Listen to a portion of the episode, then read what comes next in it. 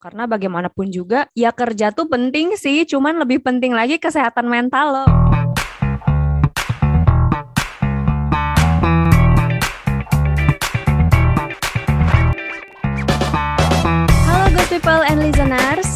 Lagi bersama saya Rizka Ritvi yang akan menemani waktu mendengarkan teman-teman semua di mana pun berada. Tentunya masih di Focus Voice of Ghost Podcast, segmen Cireng, Chit Chat bareng Ghost People, episode ke-6.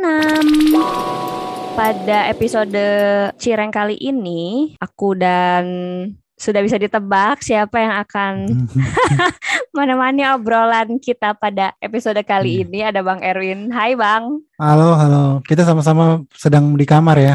Iya. Lu di kamar lo, gue di kamar gue. Iya, iya, iya. Jadi sekarang kita ngomongin apa nih? Em, sebenarnya ini terinspirasi dari topik tentang toxic productivity. Gimana sih kita tuh dalam era pandemi kayak sekarang ini kerja dari mana aja gitu ya, flexible working, dikerjakan di rumah, itu tuh bikin kita merasa bahwa kerja tuh harus 24 jam gitu kayak every time harus merasa produktif, harus menghasilkan sesuatu gitu. Yang mana sebetulnya ya di satu sisi baik ya, produktif gitu, tapi di sisi lain bisa menimbulkan kenegatifan juga gitu. Dan apakah benar ketika kita produktif all the time itu kita benar-benar produktif atau hanya merasa sibuk aja? Benar. Itu sebenarnya tergantung daripada konsep sih. Ada yang disebut dengan flexible working time, ada yang disebut dengan flexible working place. Kalau Mm. kita kayaknya flexible working place time bisa juga gitu ya. Cuman kalau misalnya kita bisa manage waktu kerja kita, waktu work from home lebih baik ya, itu nggak akan jadi toxic productivity. Iya, kalau dipikir-pikir lagi ya, kita tuh bukan flexible time tapi lebih ke flexible place-nya ya,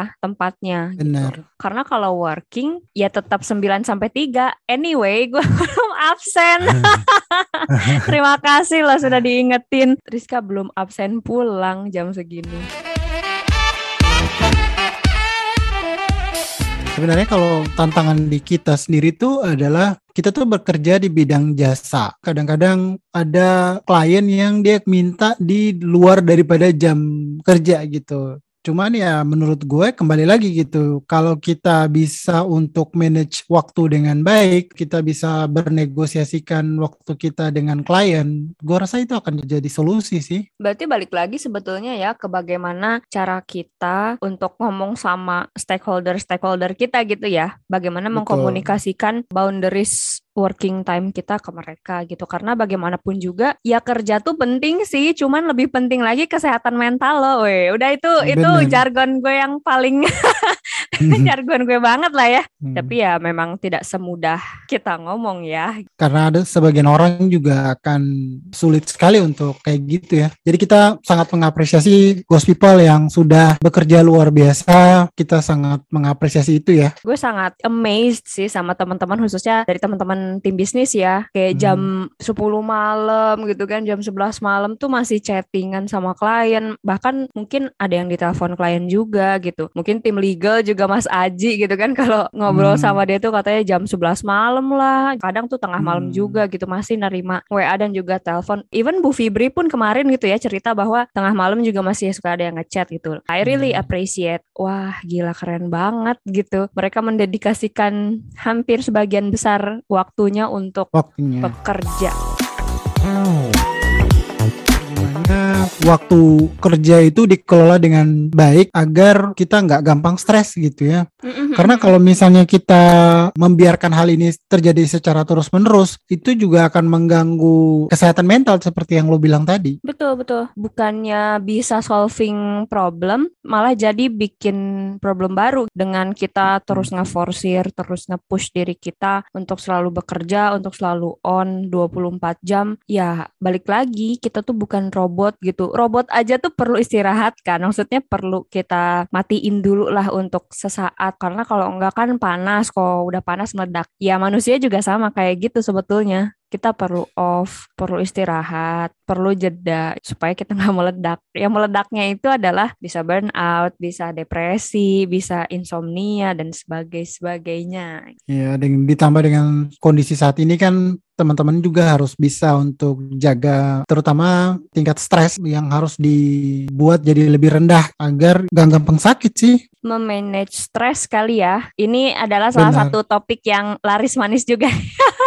di Gosindo Raya training tentang stress management tuh selalu ada ya Bang ya dan laris mm -hmm. banget. Tentang memanage stres itu balik lagi ke orangnya masing-masing sih Bang. Kita nggak bisa Betul. menyamaratakan semuanya tuh harus seperti A atau B gitu. Semuanya balik lagi ke lo rasanya kayak gimana? Kapan waktu yang lo rasa butuh untuk jeda gitu? Karena memang stres itu bagaimana kita menghadapi stimulus. Karena setiap orang dalam menghadapi stimulus kan beda-beda ya. Gue beri contoh gampang nih, misalnya lu lihat kecoa, sebagian orang lihat kecoa itu biasa aja, tapi sebagian orang lihat kecoa tuh udah teriak sana sini. Nah, berarti kan problemnya tuh bukan di kecoanya, tapi problemnya itu dari bagaimana kita merespon daripada stimulus. Stimulusnya sih si kecewanya itu gitu. Betul. Jadi ya sebisa mungkin bagaimana teman-teman bisa melihat masalah itu jadi lebih santuy gitu ya, lebih rileks agar tingkat stresnya juga akan sedikit lebih nggak banyak. Betul, benar banget. Kita mau melihat hal itu sebagai yang mengancam atau yang men-challenge, itu balik lagi sih ke diri kita sendiri. Hmm dilatih kira-kira ya untuk bisa mengontrol hmm. masalah gitu biar nggak stres banget? Sebetulnya kalau cara tuh kayak banyak banget ya. Gue yang pertama itu adalah coba untuk sisihkan waktu untuk diri kita sendiri sih. Dalam misalkan sehari dua jam atau tiga jamnya untuk ngelakuin hobi sendiri, terus yang berapa jamnya lagi untuk ngapain, misalkan ngobrol sama orang rumah gitu-gitu. Sebetulnya tuh ya 24 jam tuh cukup kok cukup gitu.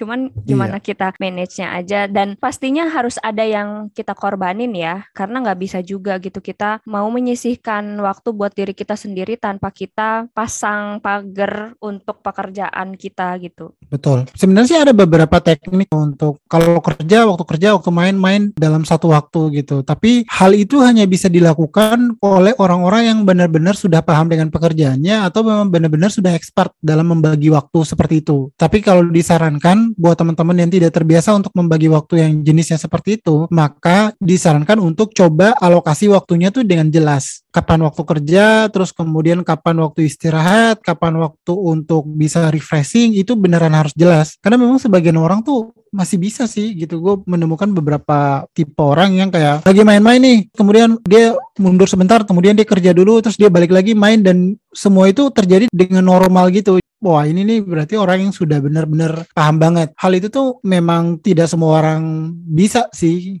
gua aja berat banget tuh. Selain dia udah ngerti banget sama pekerjaannya, mungkin memang ada beberapa pekerjaan juga yang nggak bisa untuk kayak gitu ya. Maksudnya ada beberapa tipe pekerjaan yang memang harus standby di depan laptop terus, misalkan let's say sampai dua jam ke depan yang nggak hmm. bisa diganggu gugat kalau gue pribadi, gue menerapkan itu yang gue nggak bisa diganggu sampai satu dua jam ke depan. Kalau misalkan kayak gue lagi ngedit podcast, itu tuh gue nggak bisa tuh kayak cerita lu tadi gitu yang kalau misalkan bosan gue main dulu terus habis itu gue balik lagi. Gue perlu untuk menyimak kata-kata dari awal sampai akhir. Nah, hmm. perekaman podcast juga kan nggak 15 menit gitu kayak yang kita sudah posting di Spotify gitu. Tapi yeah. kan perekaman podcast tuh bisa sampai satu jam, satu jam setengah dan itu gue perlu konsentrasi penuh untuk mendengarkan itu. Jadi 1 sampai 2 jam itu pasti gue di depan laptop. Jadi balik lagi ke hmm. kitanya gitu. Yang penting kita bisa untuk rela menyisihkan waktu gitu untuk rehat, hmm. untuk melakukan hal yang kita sukai gitu gitu yang merefresh, yang receh tapi sebetulnya itu tuh bikin kita seneng. Hmm kalau gue pribadi tuh tingkat stres gue itu gue merasa bahwa gue tuh tidak melakukan sebuah perubahan atau berasa begini-begini aja. Jadi yang gue lakukan untuk mengurangi stres gue adalah selain daripada gue coba untuk relaksasi atau misalnya refreshing maka gue tuh coba belajar skill baru. Karena kalau misalnya kita belajar skill baru, otomatis kan kayak kita merasa diri kita tuh ada perubahan, penambahan value di diri kita. Itu yang membuat merasa diri kita tuh lebih berharga. Jadi buat ghost people, kalau misalnya merasa bahwa oh ini begini-begini aja terus, kerja begini-begini aja terus, coba deh untuk belajar hal baru. Misalnya sesimpel belajar menjahit, pun belajar menanam tanaman. Hal itu tuh akan membuat lebih rileks sih sebenarnya menurut gue gitu. Hmm, iya sih, menarik. Kalau buat lo mungkin it works gitu sebagai sarana refreshing atau sarana pengusir stres lo gitu. Tapi mungkin di beberapa teman-teman yang lain hal itu tuh malah jadi menambah stres baru gitu. Jadi ya itu sebenarnya balik lagi sih uh, cewek apalagi gitu kan. Lihat-lihat Shopee gitu scroll-scroll. Lihat doang gitu ya. Iya. Iya lihat dong, eh tapi beneran loh. Gue waktu itu pernah saking gue lelah sama diri gue gitu, akhirnya gue pikir gue mau ah melakukan hal-hal yang jarang banget gitu gue lakukan, tapi teman-teman gue tuh lakukan gitu kayak misalkan scrolling Shopee, terus nonton Netflix. Gue tuh bukan tipikal orang yang suka nonton film ya bang. Ternyata tuh asik juga ya, maksudnya kayak oh iya ya santuy juga gitu. Meskipun memang hmm. akhirnya gue juga bosan-bosan lagi gitu. Mencoba hal-hal baru yang gak harus skill deh. Apa pun itu yang belum pernah lo lakukan atau jarang banget lo lakukan dan lo penasaran pengen coba cobain dulu aja. Nggak perlu hal-hal yang berat-berat gitu loh untuk kita ngereduce stres justru karena kita berpikir untuk melakukan hal-hal yang kita pikir itu valuable gitu ya. Tapi ternyata itu malah bikin stres baru gitu. Ih buat apa? Benar. Nah, buat ghost people, jika dirasa lagi burn out atau misalnya lagi mumet banget, maka bisa ke psikolog gitu. Nggak usah takut bahwa dianggap gila gitu. Padahal sebenarnya itu hal yang membantu banget. Sesimpel sebenarnya untuk meluruskan benang kusut yang ada di kepala aja gitu. Bahkan si psikolognya juga biasa ke psikolog gitu. Kayak lu iya. sendiri yang misalnya kok biasa konselor gitu, lu ke psikolog juga gitu. Jadi iya, sebenarnya iya, luruskan isi kepala sih. Betul, betul. Kadang kadang tuh kita merasa bahwa kita perlu untuk menyelesaikan masalah kita tuh sendiri which is ya nggak salah juga sih. Cuman coba deh untuk lebih manusiawi sama diri sendiri gitu. Kadang kita tuh terlalu baik gitu untuk memanusiawikan orang lain tapi diri kita sendiri tuh nggak dimanusiawikan gitu sama diri kita. Harus punya pemikiran bahwa nggak apa-apa loh kalau kita tuh lagi nggak baik-baik aja. Nggak apa-apa loh kalau kita tuh butuh pertolongan orang lain gitu untuk bisa jadi teman cerita atau mungkin teman diskusi yang lebih objektif, lebih profesional gitu. Dan sangat nggak apa-apa sih kalau mau ke psikolog nggak perlu lo harus nunggu depresi dulu lo insomnia dulu baru akhirnya ke psikolog. Iya. enggak sesimpel kayak gue merasa ada yang salah sama diri gue dan akhirnya ya gue cerita ke psikolog gitu ke profesional. Benar, yang paling penting adalah pada saat waktu kita merasa diri kita itu stres atau apa pun itu sadar dulu. Sadar bahwa kita tuh sedang tidak baik-baik saja. Itu penting banget. Karena itu alam bawah sadar kan? Kita nggak sadar bahwa kita tuh sedang sedang tidak baik-baik saja. Maka itu coba dinaikkan dulu ke kesadaran bahwa kita tuh sedang tidak nyaman loh. Pada saat kita sudah sadar akan hal itu, maka kita akan bisa berpikir untuk mencari pertolongan salah satu reason kenapa orang akhirnya sulit sekali untuk mengakui kondisi dirinya adalah merasa untuk selalu baik-baik aja gitu, merasa untuk selalu kuat gitu. Padahal ya realistis aja lah guys, gitu. kita nggak mungkin selalu sehat sepanjang hidup kita, kita nggak akan selalu baik-baik aja. Kita sama-sama tahu saat ini situasinya sedang tidak baik-baik saja dan kita harus benar-benar menyadari itu. Jadi buat teman-teman semuanya ghost people yang membutuhkan pertolongan, misalnya sekedar untuk berdiskusi, tempat curhat, sharing, maka kita terbuka untuk support. Kalau misalnya teman-teman butuh bantuan konseling atau apa pun itu, maka kita akan coba refer ke platform-platform yang menyediakan itu. Ya, betul sekali. Alright, Ghost People and Listeners, stay tune terus di channel Focus Voice of Ghost Podcast. Jangan sampai ketinggalan episode menarik selanjutnya. Dan jangan lupa share pengalaman mendengarkan Focus kamu ke seluruh penjuru Ghost Indoraya dari Sabang sampai Merauke.